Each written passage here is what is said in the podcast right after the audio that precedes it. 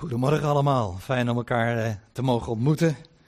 Zowel uh, fysiek als uh, ook degene die thuis ook meekijkt en meeluistert via Zoom.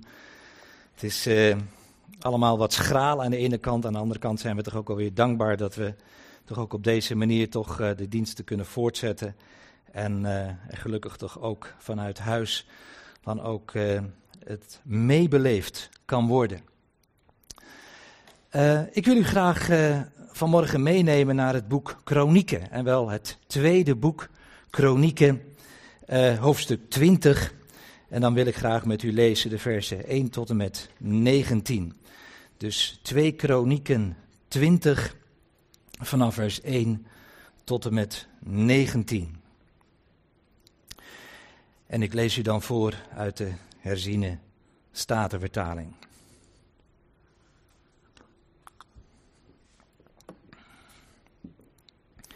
2 Kronieken 20.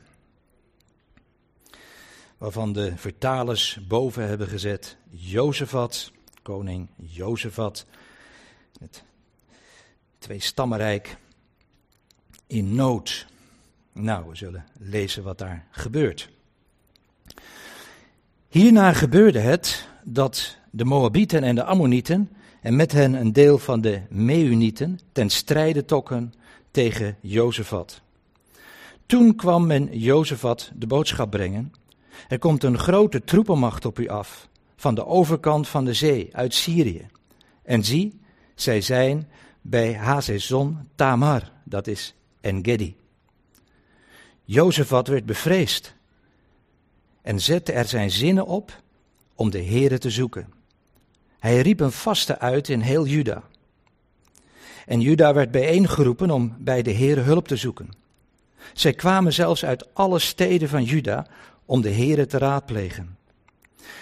Toen ging Jozefat tussen de gemeenten van Juda en Jeruzalem staan, in het huis van de Heere voor de nieuwe voorhof. En zei, Heere, God van onze vaderen, bent u niet die God die in de hemel is? Ja, u bent de heerser over alle koninkrijken van de heidenvolken. In uw hand is kracht en sterkte, zodat niemand tegen u kan standhouden. Hebt u, onze God, niet de inwoners van dit land van voor de dagen van uw volk Israël verdreven? En dat voor eeuwig aan het nageslacht van Abraham, die u liefgehad, gegeven? Zij zijn daarin gaan wonen en hebben daar voor u een heiligdom gebouwd, voor uw naam en gezegd, als ons enig onheil overkomt, het zwaard van het gericht, de pest of de hongersnood, zullen wij voor dit huis en voor uw aangezicht staan, omdat uw naam in dit huis is. Wij zullen uit benauwdheid tot u roepen, en u zult verhoren en verlossen. Welnu, zie de Ammonieten, Moab en de bewoners van het Seirgebergten, tegen wie u Israël niet toestond op te trekken, toen wij uit het land Egypte kwamen, Daarom trokken zij bij hen vandaan en vaagden hen niet weg. En zie, zij vergelden het ons door ons te komen verdrijven uit uw bezit, dat u ons in bezit hebt gegeven. Onze God, zult u geen gericht over hen oefenen? In ons is immers geen kracht tegen deze grote troepenmacht die op ons afkomt. En wij weten niet wat wij moeten doen, maar op u zijn onze ogen gericht. Heel Juda stond voor het aangezicht van de Heer. Ook hun kleine kinderen, hun vrouwen en hun zonen. Toen kwam de geest van de Heer in het midden van de gemeente op Jahaziel, de zoon van Zecharia, de zoon van Benaja, de zoon van Jeiel, de zoon van Matanja, de leviet, uit de zonen van Asaf. En hij zei, sla er acht op, heel Juda, inwoners van Jeruzalem, en uw koning Jozefat? Zo zegt de Heere tegen u, wees u niet bevreesd en wees niet ontsteld vanwege deze grote troepenmacht, want niet aan u is de strijd, maar aan God. Ga morgen op en af. Zie, zij trekken nu over de pas van Zis. U zult hen aantreffen aan het einde van het dal, voor de woestijn van Jeruel. Het is niet aan u in deze oorlog te strijden. Stel uzelf op, blijf staan en zie het heil van de Heere dat met u is, Juda en Jeruzalem. Wees niet bevreesd en wees niet ontsteld. Trek morgen tegen hen op, want de Heere zal met u zijn. Toen boog Jozefat zich met het gezicht ter aarde. En heel Juda en de inwoners van Jeruzalem vielen voor het aangezicht van de Heere neer en bogen zich neer voor de Heere. En de Levieten van de nakomelingen van de Kahatieten en van de nakomelingen van de Korachieten stonden op om de Heere, de God van Israël, met luide stem ten hoogste te prijzen. Ja, bijzondere geschiedenis. En uh, ja, om maar even te beginnen even met, met het voorgesprek wat we hebben mogen hebben met jullie, Benjamin en Annemarieke en Jan Willem en Mirjam, ter voorbereiding van, van deze dienst. Uh, waarin jullie dochters, hè, Fina en Jora, uh, worden opgedragen. Uh, ja, wil ik eerst even een aantal dingen noemen die in dat gesprek eigenlijk zo mooi voorbij kwamen. de eerste wat mij opviel, verwondering over, het, over het nieuwe leven dat de Heer jullie heeft toevertrouwd. de geweldige dankbaarheid aan de Heer, die ja, de bron is van dat leven, maar ook de onderhouder is van dat leven, de verlosser is van dat leven, in en door zijn zoon, de Heer Jezus Christus. De Heere God die ook betrokken is hè, daarmee op dat, dat leven van die jonge kinderen. En uh, ja, ik vond het toch eigenlijk ook zo prachtig verwoord op de geboortekaartjes die jullie hebben doen uitgaan. Bij Jora stond door zijn ogen gezien, door zijn handen gevormd, naar zijn beeld geschapen en in zijn hart geborgen. Prachtige woorden, in zijn hart geborgen. En zo is het. De Heer Jezus die zelf zegt, laat de kinderen tot mij komen. Ze hebben een plaats in zijn hart, een begrote plaats in zijn hart. Op het kaartje van Fine daar, daar stond te lezen, God heeft jou gemaakt van top tot teen. Iemand zoals jij, nee, zo is er niet één. Want je bent uniek, heel speciaal en bijzonder. Je bent nog zoveel mooier dan een wereldwonder. Nou, daar zullen we allemaal amen op kunnen zeggen. Mooi zoals jullie eigenlijk ook die afhankelijkheid van de Heer, die verwondering, hè, ook eh, in de kaartjes tot uitdrukking hebben gebracht. En uh, Benjamin, jij had nog een mooie tekening gemaakt van jullie als uh, gezin. Uh, dat vond ik ook wel heel erg leuk en ook wel heel aansprekend. Hè, hoe, uh, hoe jullie elkaar, hè, vader en moeder, hè, vader voorop, moeder achter, en zo dan de kinderen vast hielden. en zo als het ware een beeld is hoe jullie eigenlijk verlangen ook uh, door het leven te kunnen gaan. En, ik denk ook dat dit een hele mooie periode is. Als je zo met elkaar, dat je jonge kinderen mag, mag optrekken. Ze, ze dichtbij je zijn, je voor ze mag zorgen, enzovoort, enzovoort. Dat is uh, geweldig. Maar goed, de realiteit dwingt ook om ook verder te kijken. En er gaat een moment komen dat uh, ja, je de kinderen moet toevertrouwen aan de juf of meester op school. En dan kan het zomaar zijn dat je gaat ontdekken dat uh, je kinderen met hele andere principes worden geconfronteerd. Met hele andere waarden, met hele andere normen, met hele andere levensvisies in aanraking komen. Kinderen bijvoorbeeld die al op jonge leeftijd in verwarring worden gebracht over hun genderidentiteit. Die los zou staan van hun biologische kenmerken van jongen en meisje. Verwarring over tal van onderwerpen met betrekking tot uh, allerlei levensgebieden. En dat zal ook moeilijk zijn. En uh, dat bepaalt ons tegelijkertijd natuurlijk ook bij, bij de geestelijke wereld. Bij de geestelijke strijd. Waarbij ja, ik het idee heb dat de boze vooral zijn pijlen wil afvuren op het gezin. Zijn boze zijn pijlen wil afvuren op, uh, op de kinderen. En dat is, ja, zou je willen zeggen, de rauwe werkelijkheid van de wereld waarin wij leven. Die wereld die ook plotseling is veranderd geworden door, door corona. En, en ook, ja, valt mij zo op hoe ook door deze uh, coronacrisis, er ook allerlei krachten in de mensen uh, naar boven komen waar je soms gewoon van schrikt. In de samenleving, wereldwijd. Het is een moeilijke tijd waarin wij leven. En waarin jullie je kinderen mogen opvoeden. En dat is voor jullie ook eh, de reden geweest, in het bijzonder om ja, ook Jora en Fina te midden van de gemeente aan de heren eh, te willen opdragen. En we doen dat, ik zeg dat maar met grote nadruk, niet als een soort uiterlijk religieus en ceremonieel. Eh, maar eigenlijk omdat jullie zo duidelijk aangaven, wij kunnen het niet alleen. Ook dat willen we vanmorgen heel duidelijk ook naar de gemeente en naar ja, degenen die ook, ook daarbij betrokken zijn. Hè, de, denk ook aan de grootouders en de andere familieleden.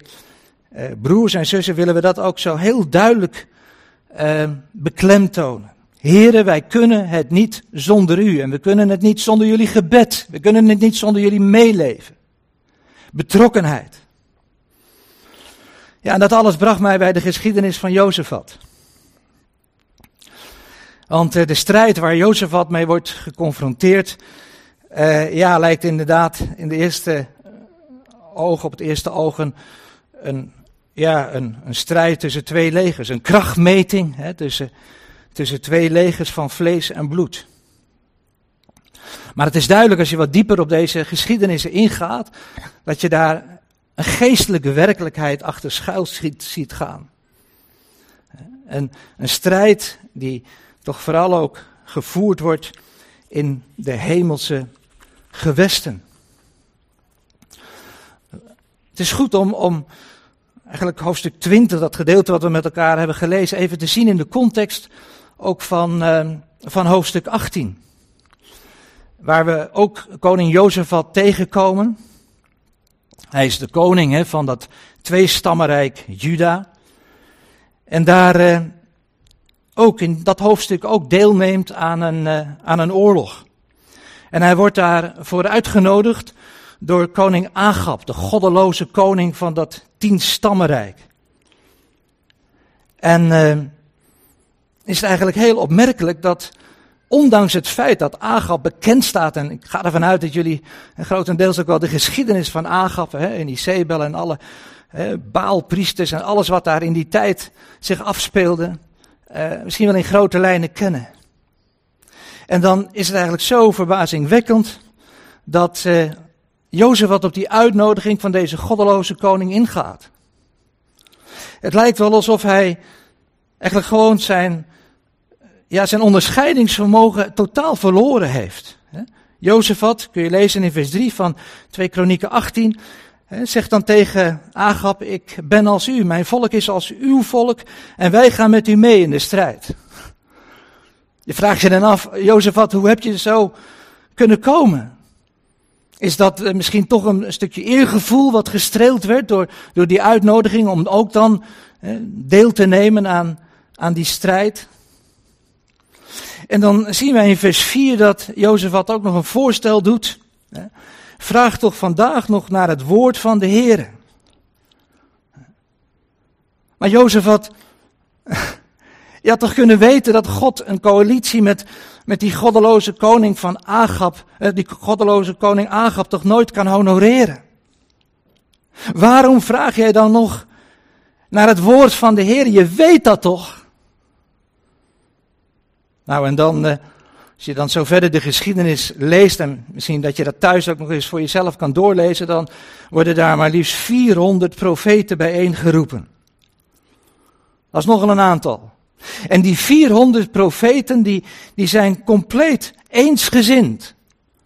Met elkaar zeggen zij, in vers 5 kun je het lezen, trek op, want God zal hen in de hand van de koning geven. Wees niet bezorgd, het komt allemaal goed. En als je dan zo verder leest, dan, dan blijkt het toch dat, dat Jozef wat ergens in verwarring komt, of in ieder geval in twijfel komt. Klopt dat wel, wat die, wat die 400 profeten eensluidend dan te zeggen hebben. Het is zo verleidelijk om de meerderheid te volgen en ervan uit te gaan dat de meerderheid wel gelijk zal hebben. En dan vraagt Jozef, wat is er misschien toch nog iemand die, die ook nog een raadpleeg kan worden? Een profeet van de Heer, zodat wij ook hem kunnen raadplegen, vers 6. En dan antwoordt Agab, er is nog één man om door hem de Heere te raadplegen. En waarom wordt hij dan niet uitgenodigd? Nou, Agab zegt heel duidelijk, ik haat hem, want hij profiteert niets goeds over mij, maar altijd onheil.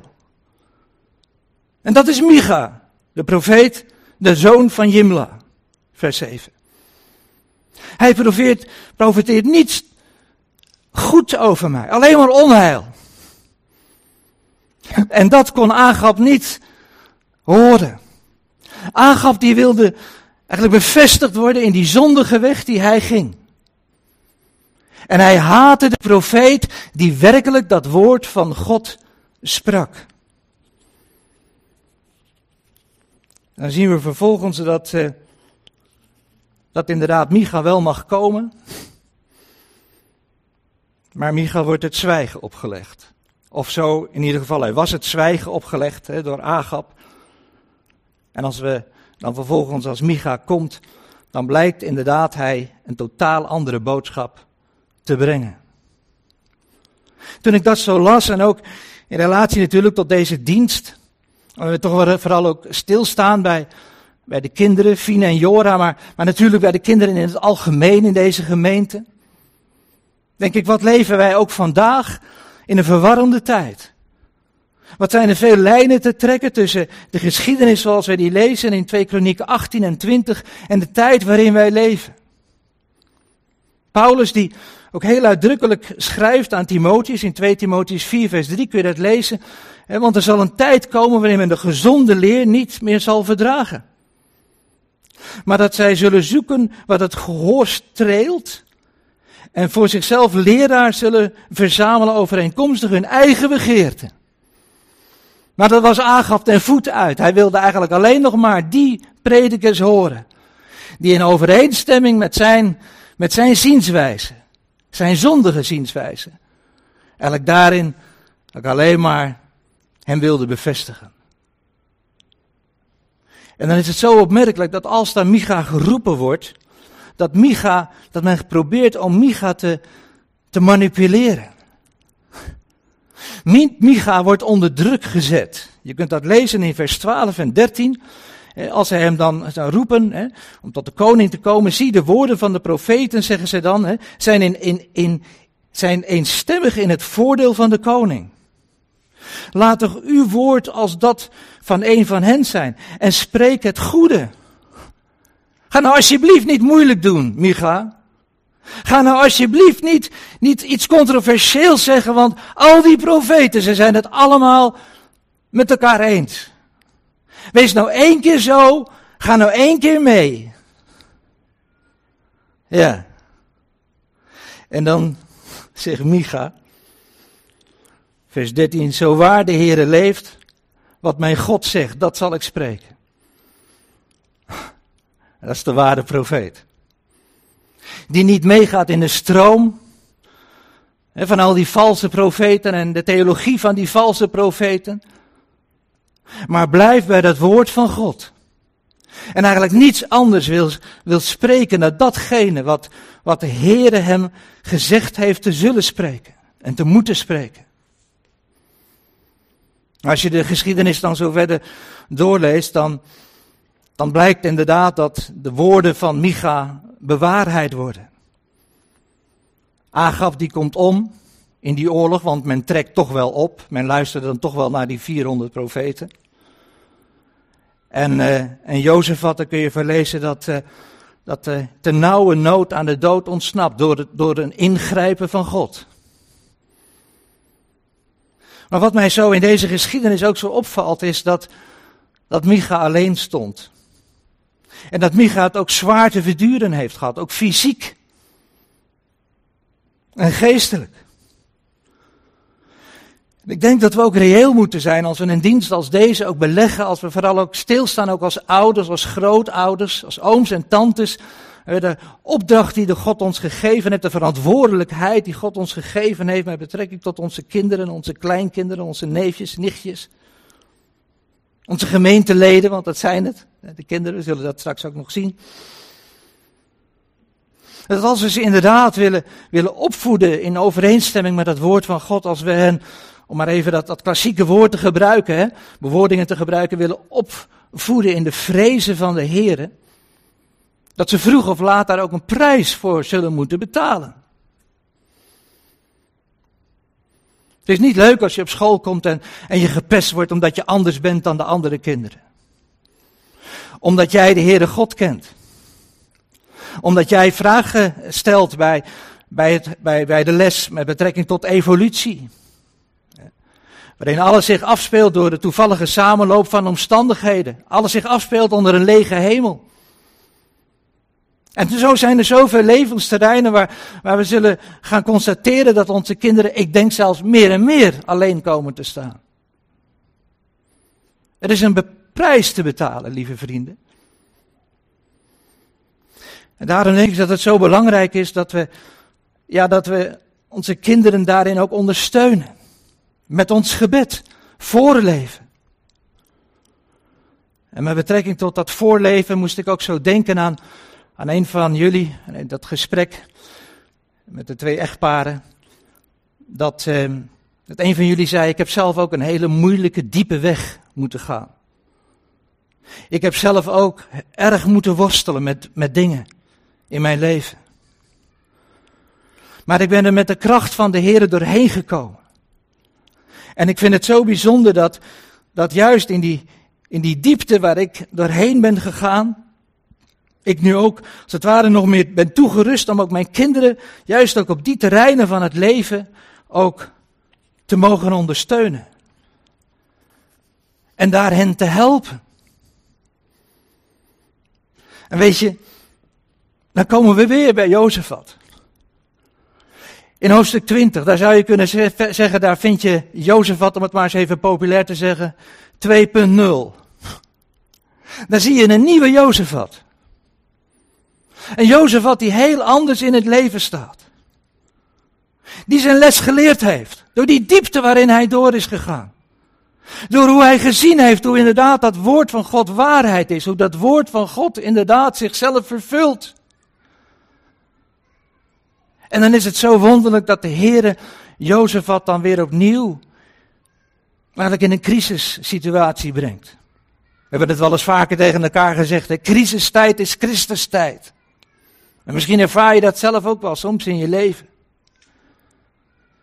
Want er komt een groot leger, een groot vijandig leger, komt op Jozefat af. En dan lezen we in vers 3 en 4 dat Jozefat werd bevreesd. Ja, vind je het raar?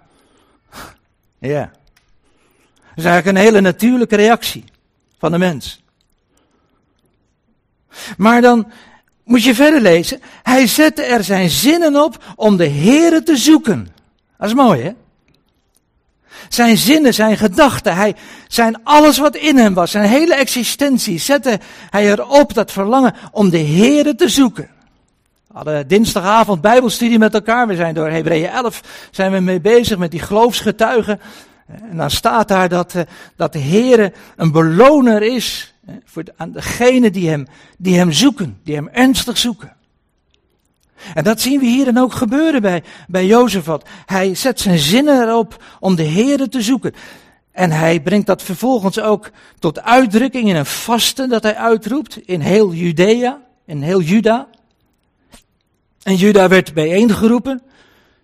Vers 3 en 4 lezen we nu, van hoofdstuk 20. Om bij de Heere hulp te zoeken. Ja, zij kwamen zelfs uit alle steden van Juda om de Here te raadplegen.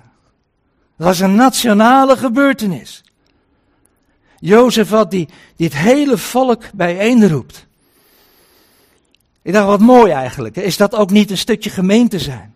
Juist als er nooit is, juist als er strijd is, juist als we zien dat er iemand dreigt om te vallen, om zo maar te zeggen in het geloof, dat we daaromheen gaan staan.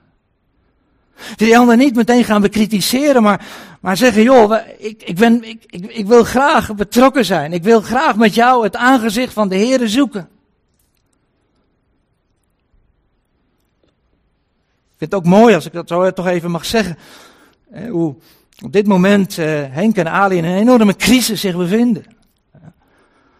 Ali heeft gemetastaseerde kanker en, en en heeft nu dan ook nog een keer corona, dreigend, allemaal heel, heel kritiek de situatie. En wat mooi, eh, ik sprak Henk gisteren nog even, maar hoe hij ook ervaart dat de gemeente eromheen staat. Dat er voor hem gebeden wordt, dat er meegeleefd wordt.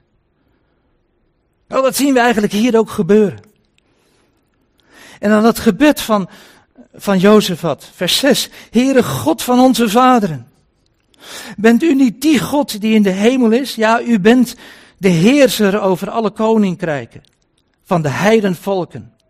In uw hand is kracht en sterkte, zodat niemand tegen u kan standhouden. Hij beleidt eerst wie de Heer is. En weet je waar hij dat doet? Hij gaat dan eerst tussen het volk instaan. Je zou kunnen zeggen, hij, hij legt even zijn waardigheid als koning af en hij gaat te midden van het volk staan en identificeert zich eigenlijk met met de gewone burger. En dan samen met dat volk, hij is dan de woordvoerder, Heere, God van onze vaderen.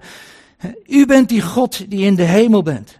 U bent die heerser, niet ik ben die heerser. In mij is geen kracht, u bent die heerser over al die koninkrijken. In uw hand is kracht en sterkte, zodat niemand tegen u kan standhouden. Mooi hè? Wat een geweldige les ligt hierin opgesloten. We leggen zo makkelijk de Heer een lijstje voor hè, in onze gebed aan, aan allerlei dingen die we graag veranderd zouden willen zien in ons eigen leven of in het leven van die ander. Maar Jozef wat begint hier om eerst te zeggen wie de Heere God is. Hij laat God God zijn. Hij geeft God de plaats die hem toekomt. En beleidt dat met heel zijn mond. En kan je zeggen met heel zijn hart. Dat is wel duidelijk uit dit, de context van dit gedeelte. En dan beleidt hij inderdaad in vers 12, in ons is immers geen kracht tegen deze grote troepenmacht die op ons afkomt. Wij weten niet wat wij moeten doen. Ken je dat? Ten einde raad zijn met de, met de, met de omstandigheden. Maar, zegt hij, op u zijn onze ogen gericht. Niet op onszelf. Maar op u zijn onze ogen gericht. En dan staat er zo mooi, en dat is eigenlijk ook de tekst waarom ik dit gedeelte ook mede eigenlijk met jullie heb willen doorlezen. Dan staat er zo mooi in, in, in vers 13. Heel Juda stond voor het aangezicht van de Heer. Ook, zie je, hun kleine kinderen. Hun vrouwen en hun zonen.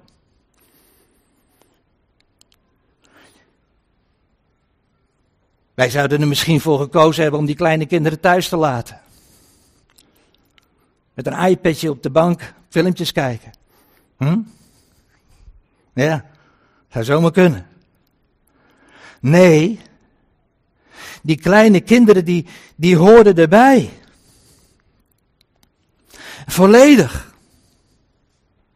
In deze crisissituaties moesten ook de kleine kinderen betrokken zijn. En dat is wat we eigenlijk ook in deze dienst willen beleiden. Ja, waarlijk, de kinderen horen erbij. Ze zijn onderdeel van de gemeente, zijn deel van de gemeente.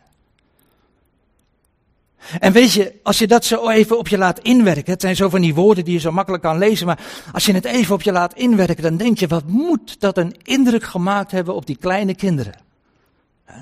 Die daar zo stonden met, met die ouders.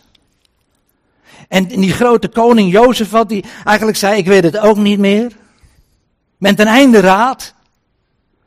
Maar heren, wij verwachten het van u. Op u zijn onze ogen gericht. Ik denk dat dat een indruk op deze kinderen gemaakt moet hebben wat ze nooit meer vergeten zijn.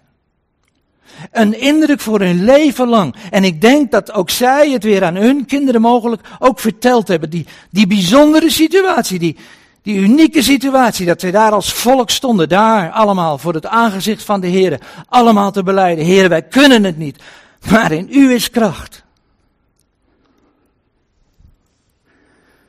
En dan zien we meteen dat de Heer gaat handelen. Dan komt de geest in het midden van de gemeente op de leviet. Jehaziel, zijn naam betekent hij zal God zien.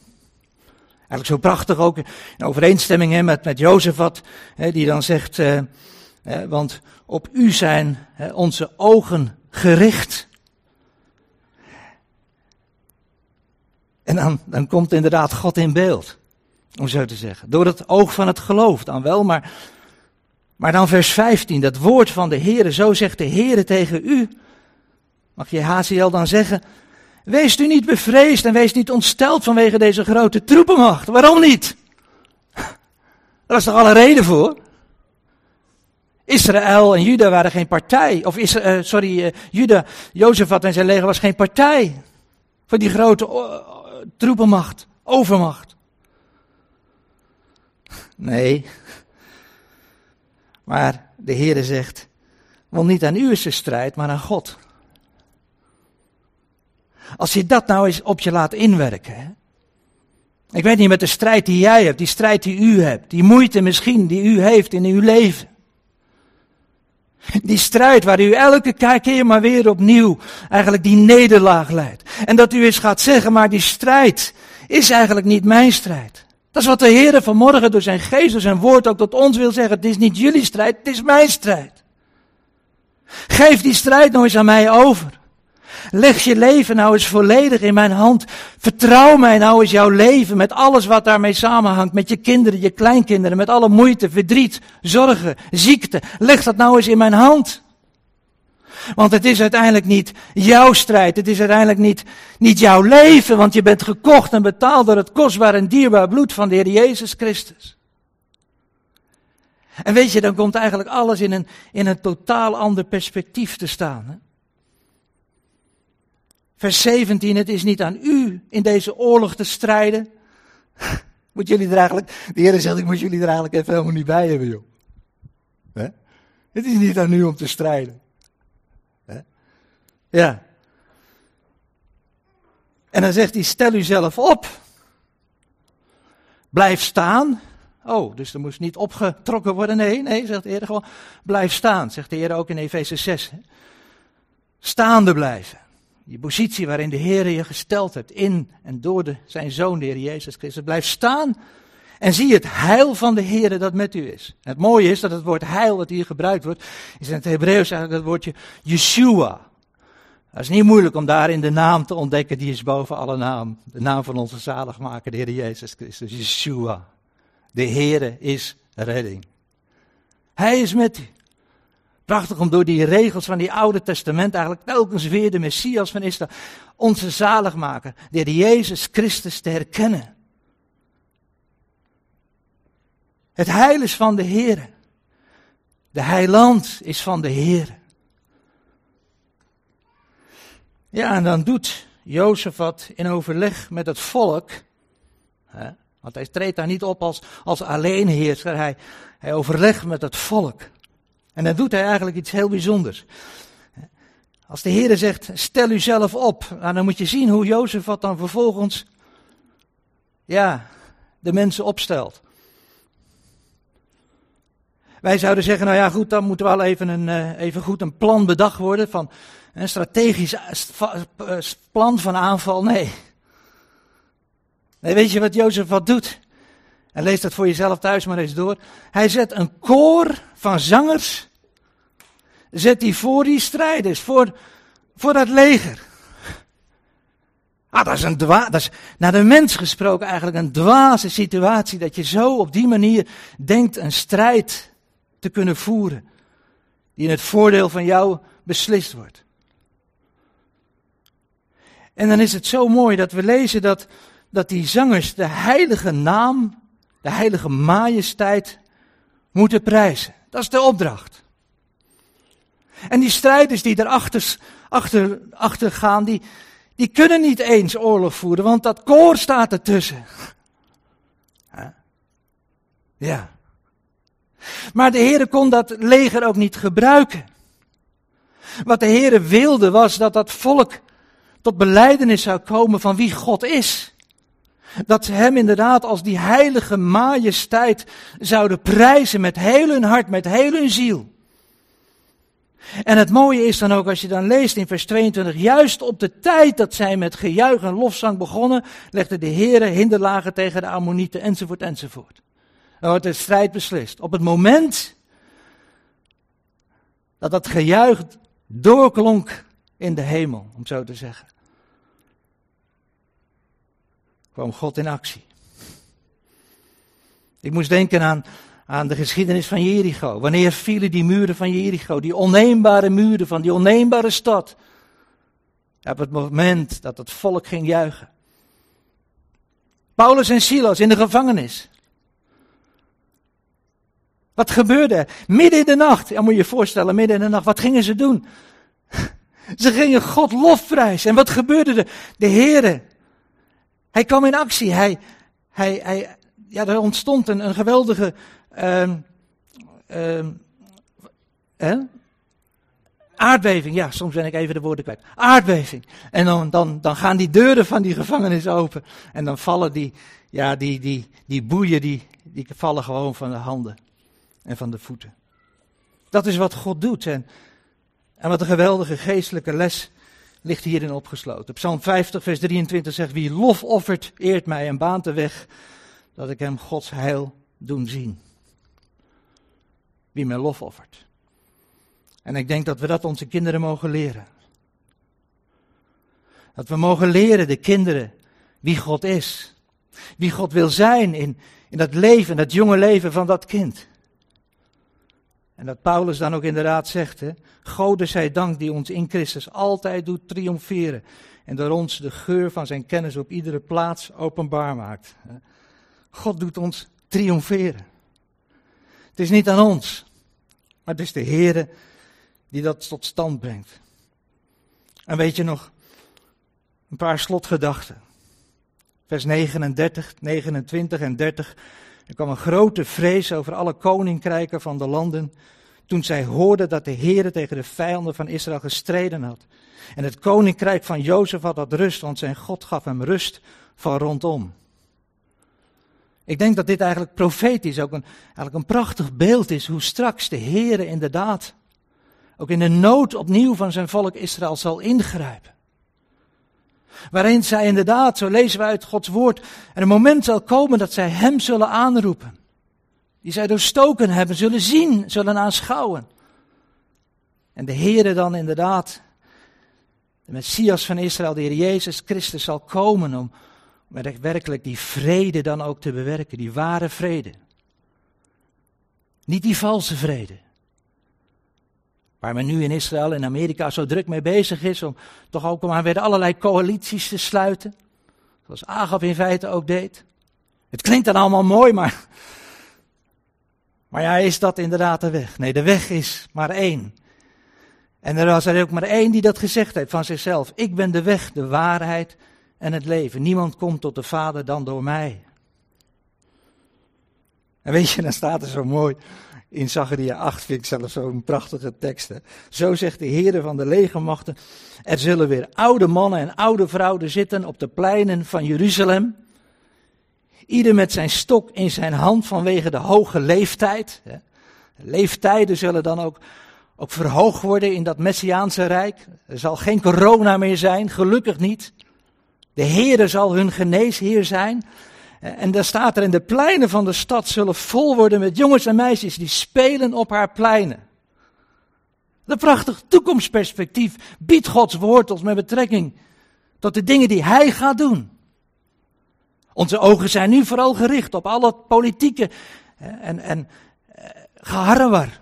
Geopolitieke geharrewar. Hoe zal het aflopen straks met die verkiezingen in Amerika? En wat zal onze positie zijn als EU? Wat zal onze positie zijn hè, als Nederland? En, hoe zal het gaan met de, met de handelsbetrekking? Hoe zal het gaan met, met de NATO? En noem maar op. Maar weet je, het mooie is dat we onze ogen gericht moeten houden op de Heer zelf. En weet je, kinderen observeren ons. Ben ik van overtuigd. Kinderen zien hoe wij de krant lezen, hoe wij met de dingen omgaan, hoe wij ons vertrouwen stellen, ook in moeilijke tijden. En wat zijn er misschien nog, staan er misschien nog moeilijke tijden voor de deur. Op wie zijn onze ogen gericht? Ouders, grootouders, ooms en tantes, gemeenteleden. Wat leven wij aan de kinderen voor? Wat zien zij in ons? Die kleine kinderen die daar met Jozef had, dat hele volk daar stonden voor het aangezicht van de Heer en beleden. In ons is geen kracht. Maar u, Heere, u zult het doen. Als God voor ons is. Ja, wie zal tegen ons zijn? Prijs de Heer. Geloof en geprezen zijn zijn wonderbare en heilige naam. Amen.